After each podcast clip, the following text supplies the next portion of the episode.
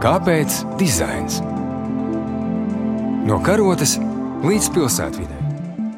Labdien, darbie radioklausītāji! Ar jums kopā ir raidījums Kāpēc dizains un es, Jeļena Solovjova. Pielāgojoties esošajai situācijai, tiešsaistes hackathoni dažādās nozarēs ir kļuvuši par jauno populāro veidu, kā tiek radītas innovatīvas idejas. Arī Latvijā jau ir notikuši vairāki šādi hackathoni, un pagājušajā nedēļā tika aizvadīta koprades sesija, kas bija veltīta radošo industriju un kultūras nozarei. Pielietojot dizaina domāšanas principus praksē, Hack Creative and Industry Transformed hackathon dalībnieki izstrādāja radošus risinājumus, kas varētu sniegt atbalstu nozares pārstāvjiem krīzes laikā. Tajā bija aicināti piedalīties kultūras un radošo industriju pārstāvji, nozaru politikas veidotāji, nevalstisko organizāciju vadītāji, mākslinieki un citi interesanti. Pasākums norisinājās 48 stundas un pulcēja vairāk kā 300 dalībniekus no 30 valstīm. Rezultātā tika izstrādātas 26 idejas, un labākās trīs no tām apbalvotas ar naudas balvu. Pirmo vietu šajā hackathonā ieguva komanda Brainfood. Viņu izstrādāts risinājums ir platforma, kurā radošo industriju pārstāvji un mākslinieki var nopelnīt papildus ienākumus, vadot tiešsaistē reālajā laikā privātstundas un meistarklases. Raidījumā ciemos uzvarētāju komandas pārstāve Elvi Kustavus. Kāpēc dizains? No karotes līdz pilsētvidei. Labdien! Prieks viesoties! Es esmu Elvija Kustavus, strādāju par eh, zīmolu stratēģi un jā, piedalījos radošo industriju hackathonā. Tas, ko mēs izdomājām, ir uh, online platforma, kurā jebkuras uh, radošās nozares uh, darbinieks varētu gan krīzes, gan arī pēc krīzes situācijā piepelnīties. Šobrīd ir tā problēma, ka ļoti daudzu radošo nozaru speciālistu pakalpojumu īsti nav tā kā tāda primārā vajadzība. Tāpēc mēs gribējām izdomāt kaut ko tādu, kur tad šie cilvēki varētu tomēr kaut kādus ienākumus iegūt. Platforma ir atvasināta nedaudz no jau esošām kas ir eh, meistarklašu platformas un eh, dažādas vietas, kur cilvēki var ehm, mācīties. Tad šī platforma principā ir privāto nodarbību live platforma, kur tad attiecīgi eh, radošo nozaru speciālisti var mācīt savas prasmes jebkuram interesantam. Bet saki, kā īsti izpaudīsies šī darbošanās reālajā laikā? Būtu nepieciešams, ka ir šis sazvans ar timeri, un tad ir pieņemsim tā viena stunda kuru uh, tu jau esi mācījis tam cilvēkam, un tad ir iespēja pagarināt. Un tad uzreiz tev novelk uh, naudiņu par to vienu stundu, un tad, ja tu vēlies, tad tā stunda var būt vairāk. Tā kā jā, tas principā būtu tajā platformā uzreiz uz vietas iekšā, un uh, tas unikālais, kas mums arī šķita svarīgākais, ir, ka to var darīt uzreiz klātienē, jo līdz šim visām pārējām uh, šīm platformām ir uh, meistarklases, kuras vienkārši jau ir sagatavots video materiāls, kur tu vari klausīties uh, savā laikā, bet tā tomēr tomēr ir radošā nozara un ir ļoti svarīgi, ka tev ir iespēja pajautāt tam cilvēkam kaut ko. Un saki, kā ideja hackathon laikā attīstījās? Vai jūs uzrunājāt potenciālos lietotājus, interesējāties par viņu viedokli? Jā, mēs īstenībā diezgan daudz runājām ar eh, potenciālajiem lietotājiem, gan tiem, kas varētu būt eh, šie radošie cilvēki, kas savus pakalpojumus varētu sniegt, gan arī eh, potenciālā auditorija, kas varētu mācīties. Mēs arī esam sapratuši to, ka ļoti liela auditorija varētu būt jaunieši, jauniešu vecāki, skolas vecuma bērni, jo viņiem it īpaši šobrīd ir diezgan daudz brīvais laiks. Attiecīgi runājām ar diezgan daudz radošām nozarēm pārstāvjiem, un lielākā daļa arī izteica ļoti lielu interesi. Daudz arī uzsvēra tieši šo faktoru, ka tas varētu noderēt ne tikai krīzes laikā, bet arī pēc. Ļoti jauki, un saki, vai ir tapusi arī vīzija, kā šī ideja varētu pārtapt realitātē. Jo nereti ir tā, ka hackathonā tiek izstrādāts ārkārtīgi liels ideju skaits, bet ne visas eh, tās īstenojas. Kas ir vajadzīgs, lai tieši jūsu ideja kļūtu par realitāti? Mēs esam sprieduši savā pusē par to, ka ir eh, diezgan liels resurs būtu nepieciešams un eh, dažādi sadarbības partneri, ar kuriem tad izstrādāt šo ideju tālāk, jo viens ir šī ideja, bet nākamais jau ir tas, ka mums būtu nepieciešama gan programmēšana diezgan pamatīga, gan arī platformas testēšanu, un, un svarīgākais arī būtu visa šī funkcionalitāte, tāpēc ka tas galvenais būtu šī iekšējā platforma, kurā tas viss notiek iekšā. Nevis, piemēram, tas ir tikai kā tāds sludinājumu uh, privātu stundu servis, bet uh, lai, lai tas viss notiek, lai visi cilvēki darbojās tieši šajā platformā. Mēģināsim runāt ar, ar, ar, ar dažādiem sadarbības partneriem un, un saprast, kā mēs varam virzīties uz priekšu. Tāpēc jā, mums tā bišķiņ jātiet un jāsaprot, kā tad varētu būt tas rīcības plāns. Kāpēc dizains? Otro vietu radošo industriju hackathonā ieguva komanda Visit Museum. Viņi izstrādāja tiešsaistes reģistrācijas un biļešu iegādes instrumentu muzejiem, balstoties uz jau esošu datubāzi kultūrasdati.lv. Komandu vadīja Līga Lindenbauma. Sveika, Līga! Izstāsti mums lūdzu vairāk par šo pašu ieceri un ko tad īsti nozīmē šis tiešsaistes reģistrācijas instruments. Labdien! Mans vārds ir Līga Lindenbauma, un es esmu kuratore un kultūras pasākumu organizatore. Es esmu arī Hackathona Hack Creative komandas Hacker Muse vadītāja. Komandā kopumā bija pieci cilvēki. Tā biju es, tā bija Daina Auziņa, Lolita Thompsona, Edvards Percevs, Ausma Šmite, bet mums bija arī vēl piesaistītais konsultants eh, IT jomā. Anatolijas Resins, kurš mums ārkārtīgi daudz palīdzēja, un vēl nozīmīgu palīdzību sniedza arī hackathonā mentori Ines Zelčs Simonsons un Raivis Simonsons. Tad sākotnēji ideja bija mēģināt atrast veidu, risinājumu šai apmeklētāju reģistrācijas sistēmai.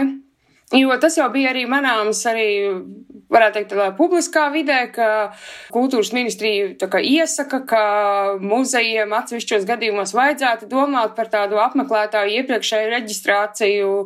Tad domājot, kā tas varētu notikt, tap arī šī ideja apmeklētājs piesakot savu apmeklējumu, pretī saņem uh, konkrētu sev paredzētu uh, ieejas laiku.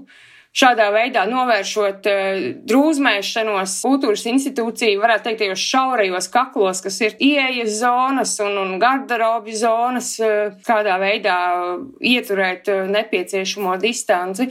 Mēs radījām sarakstus, kādam ir jāizskatās šim apmeklētāju reģistrēšanās laukam, kādai jāizskatās e, šai sistēmai no muzeja pašu lietotāju puses, kādai ir jāizskatās šai te biļetei, ko beig beigās saņem apmeklētājs, kas piesaka savu apmeklējumu. Šī apmeklētāja reģistrācijas sistēma tad arī tiek papildināta ar apmeklētāju plūsmas regulēšanas algoritmu, ko mēs varētu piedāvāt konkrētai institūcijai, izējot eh, no viņas eh, parametriem, lielumu, bet eh, ļoti svarīgs punkts ir tas, ka katrai šai kultūras institūcijai ir jābūt arī spējīgai operatīvu šo algoritmu arī ietekmēt, nu, viņi paši lietojot šo sistēmu jau varētu redzēt, kas strādā, kas nestrādā.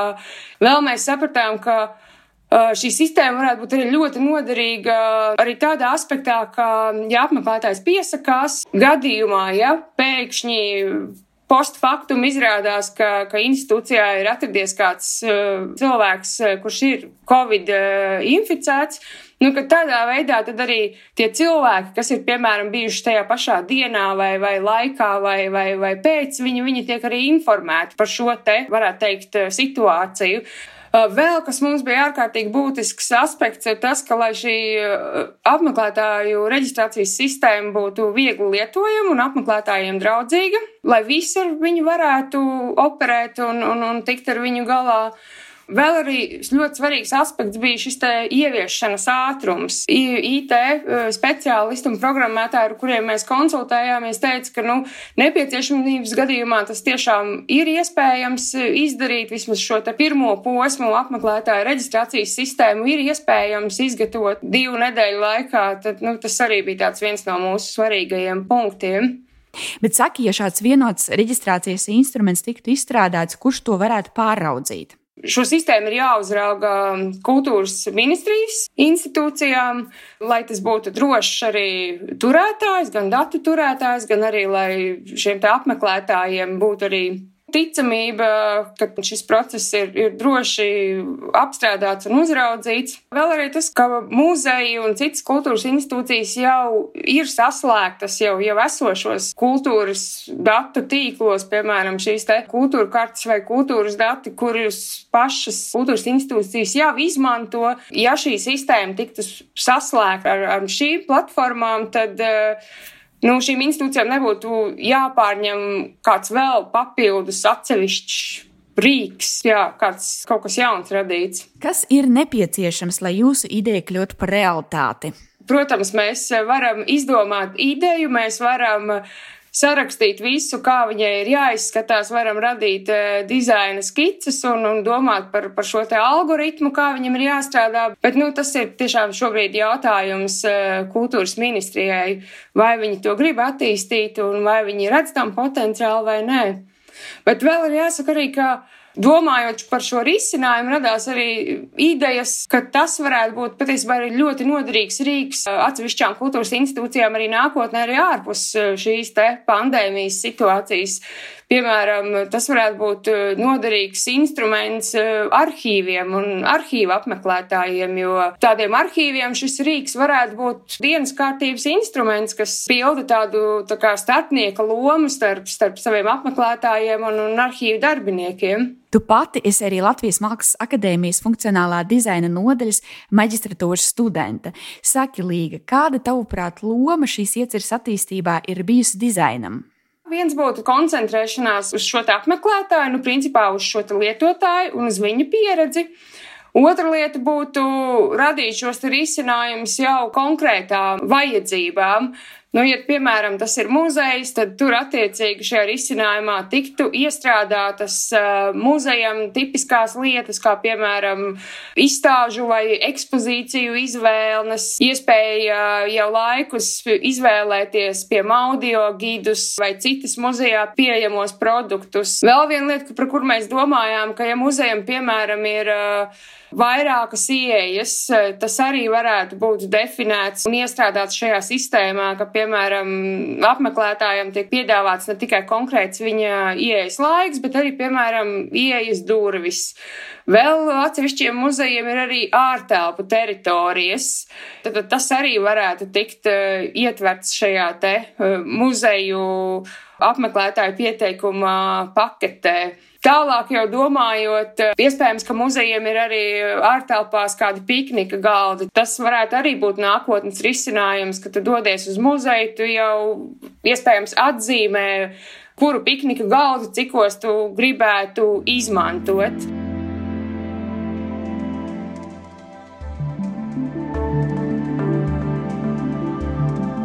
Kāpēc dizains? No karotes līdz pilsētvidai. Mentāra lomā hackathonā piedalījās arī dizainers Edgars Zvirgzdiņš.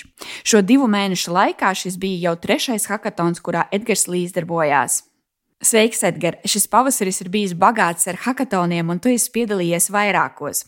Vai tu vari lūdzu izstāstīt mums vairāk par savu pieredzi, kādos pasākumos tu esi līdzdarbojies un kādās lomās? Sveiki! Es esmu Edgars Virgsdiņš, dizaina studijas Associates Partners at Suns, dizaina direktors. Tas viss sākās nedaudz pirms tā 17. un 19. marta Latvijas hackathona Hackforce.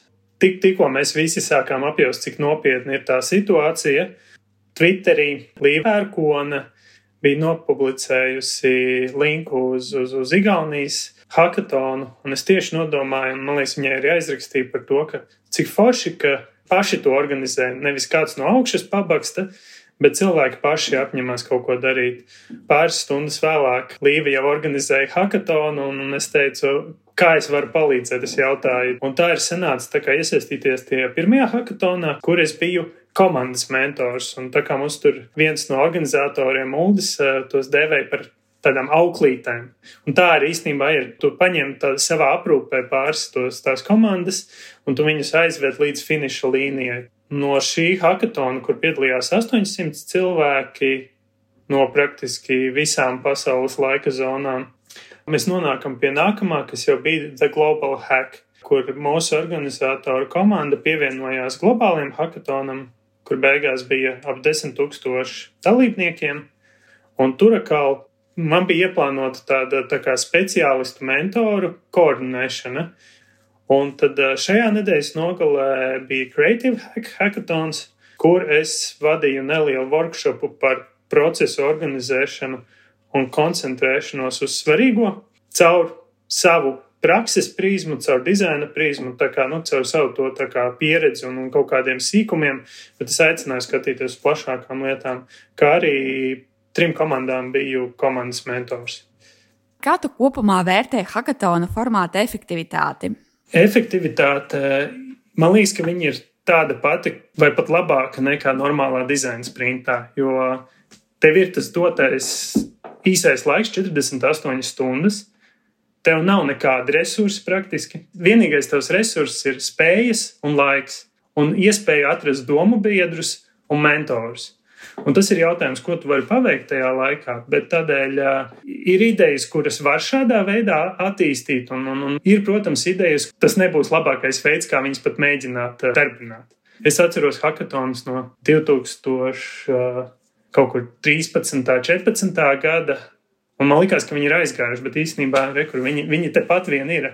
Un tas ir ļoti interesanti redzēt, ka tādu otru elpu viņiem savā ziņā. Vismaz eh, nu, manā informācijas burbulī viņi bija pazuduši, bet man prieks, ka viņi atgriežas. Piedaloties hackathonos, tu esi daudz devis, bet saki, vai ir bijis kāds iegūms arī tev pašam, kaut kas jauns, ko tu esi iemācījies, vai kaut kas jauns, ko esi uzzinājis? Es domāju, ka dažkārt tas došanas process ir pat eh, nu, svarīgāks nekā ņemšanas process tas, ko es iemācījos, varbūt nav tik saistīts ar dizainu tik ļoti, bet ar cilvēku vēlme un griba kaut ko paveikt ir ļoti svarīga. Un tikpat svarīgi kā spēja sevi mobilizēt un iedegties par to ideju. Un man liekas, ka šie hackathoni bija tāds cilvēcības un, un, un empātijas katalizators priekš manis. Redzēt, ka nu, desmit tūkstoši cilvēku sanāk kopā un, un, un reāli strādā, lai pasauli kļūtu par labāku vietu. Ļoti daudziem cilvēkiem tas atvēra acis uz to, ka nav viss slikti. Ir uz pasaules ir cilvēki, kuriem rūp. Lai cik mums kā, tajā mikroskopiskajā skatā liktos, ka cik mēs esam atšķirīgi. Tajā makroskopiskajā līmenī mēs esam ļoti līdzīgi. Globālajā hackathonā ekonomikas virzienā uzvarēja Vendito komanda. Un Daļa no komandas bija Meksikā un daļa Pakistānā. Bet viņi kopā radīja ideju, kā digitalizēt mazos veikaliņus caur telefonu, izmantojot chatbot tehnoloģijas, viņu, viņus padarīt tā kā digitālus un kā online veikalus, un redzēt, ka, teiksim, jā, šajās divās valstīs ir līdzīgas problēmas, bet Tur ir ar tām valstīm tas neapstājas. Gan Āfrikā izmanto mobilos telefonus pamatā, gan citās valstīs, un, un, un tas likās vienkārši super. Kā tev šķiet, ko dizaineri šajā sarežģītajā pārmaiņu laikā kopumā sabiedrībai varētu piedāvāt? Es domāju, ka nu, pamatvērtībām un uh, pamatnostādēm, kas ir dizainā, kas ir par empātiju, cilvēcīgumu ka lietām, darbībām, jebkam ir jākalpo cilvēkam. Tas jo, jo īpaši svarīgi ir šajā krīzes brīdī. Protams, ir jāsaprot, kāda ir tā dizainera funkcija un kāda ir tā vajadzīgā palīdzība. Un, un, un šeit atkal ir svarīga, manuprāt, tā cilvēku spēja un klienta spēja vai, vai sadarbības partneru spēja uzticēties dizaineriem. Un, un, un arī izpratne, kur viņu iesaistīt un kur nē. Jo, man liekas, krīzes laiks ir perfekts laiks, lai pārdomātu vispār procesus, lai mēs visi pārdomātu, kā mēs darām lietas, kā mēs domājam. Tur dizaineri arī var palīdzēt. Un, un varbūt tieši šādos abstraktākos jautājumos, šādos lielākos jautājumos, tur varbūt ir jāiesaista dizaineri netik ļoti varbūt uh, cakiņu veidošanā vai cirsīšu likšanā uz, uz lietotāju interfejsiem, lai gan tie arī ir vajadzīgi. Paldies par sarunu, Edgars! Lai arī pandēmija ir negatīvi ietekmējusi kultūras un radošo industriju pārstāvjus, šī brīža izaicinājumi ir arī iespēja pārmaiņām, jauniem eksperimentiem un jaunu sadarbības veidu atklāšanai. Vēlēsim ideju autoriem izdošanos ar ieceru realizāciju un radošo industriju pārstāvjiem pacietību un izturību sarežģītajā laikā. Raidījums, kāpēc dizains ir izskanējis, dārgie klausītāji, paldies, ka bijāt kopā ar mums. Raidījumu montēja Inga Saksone, to vadīja Jelena Solovjova. Tas ir tapis ar valsts kultūra kapitāla fonda atbalstu. Esam klausāmi arī Spotify, Apple podkāsts, Google podkāsts un arī tavā podkāstu aplikācijā. Uz tikšanos!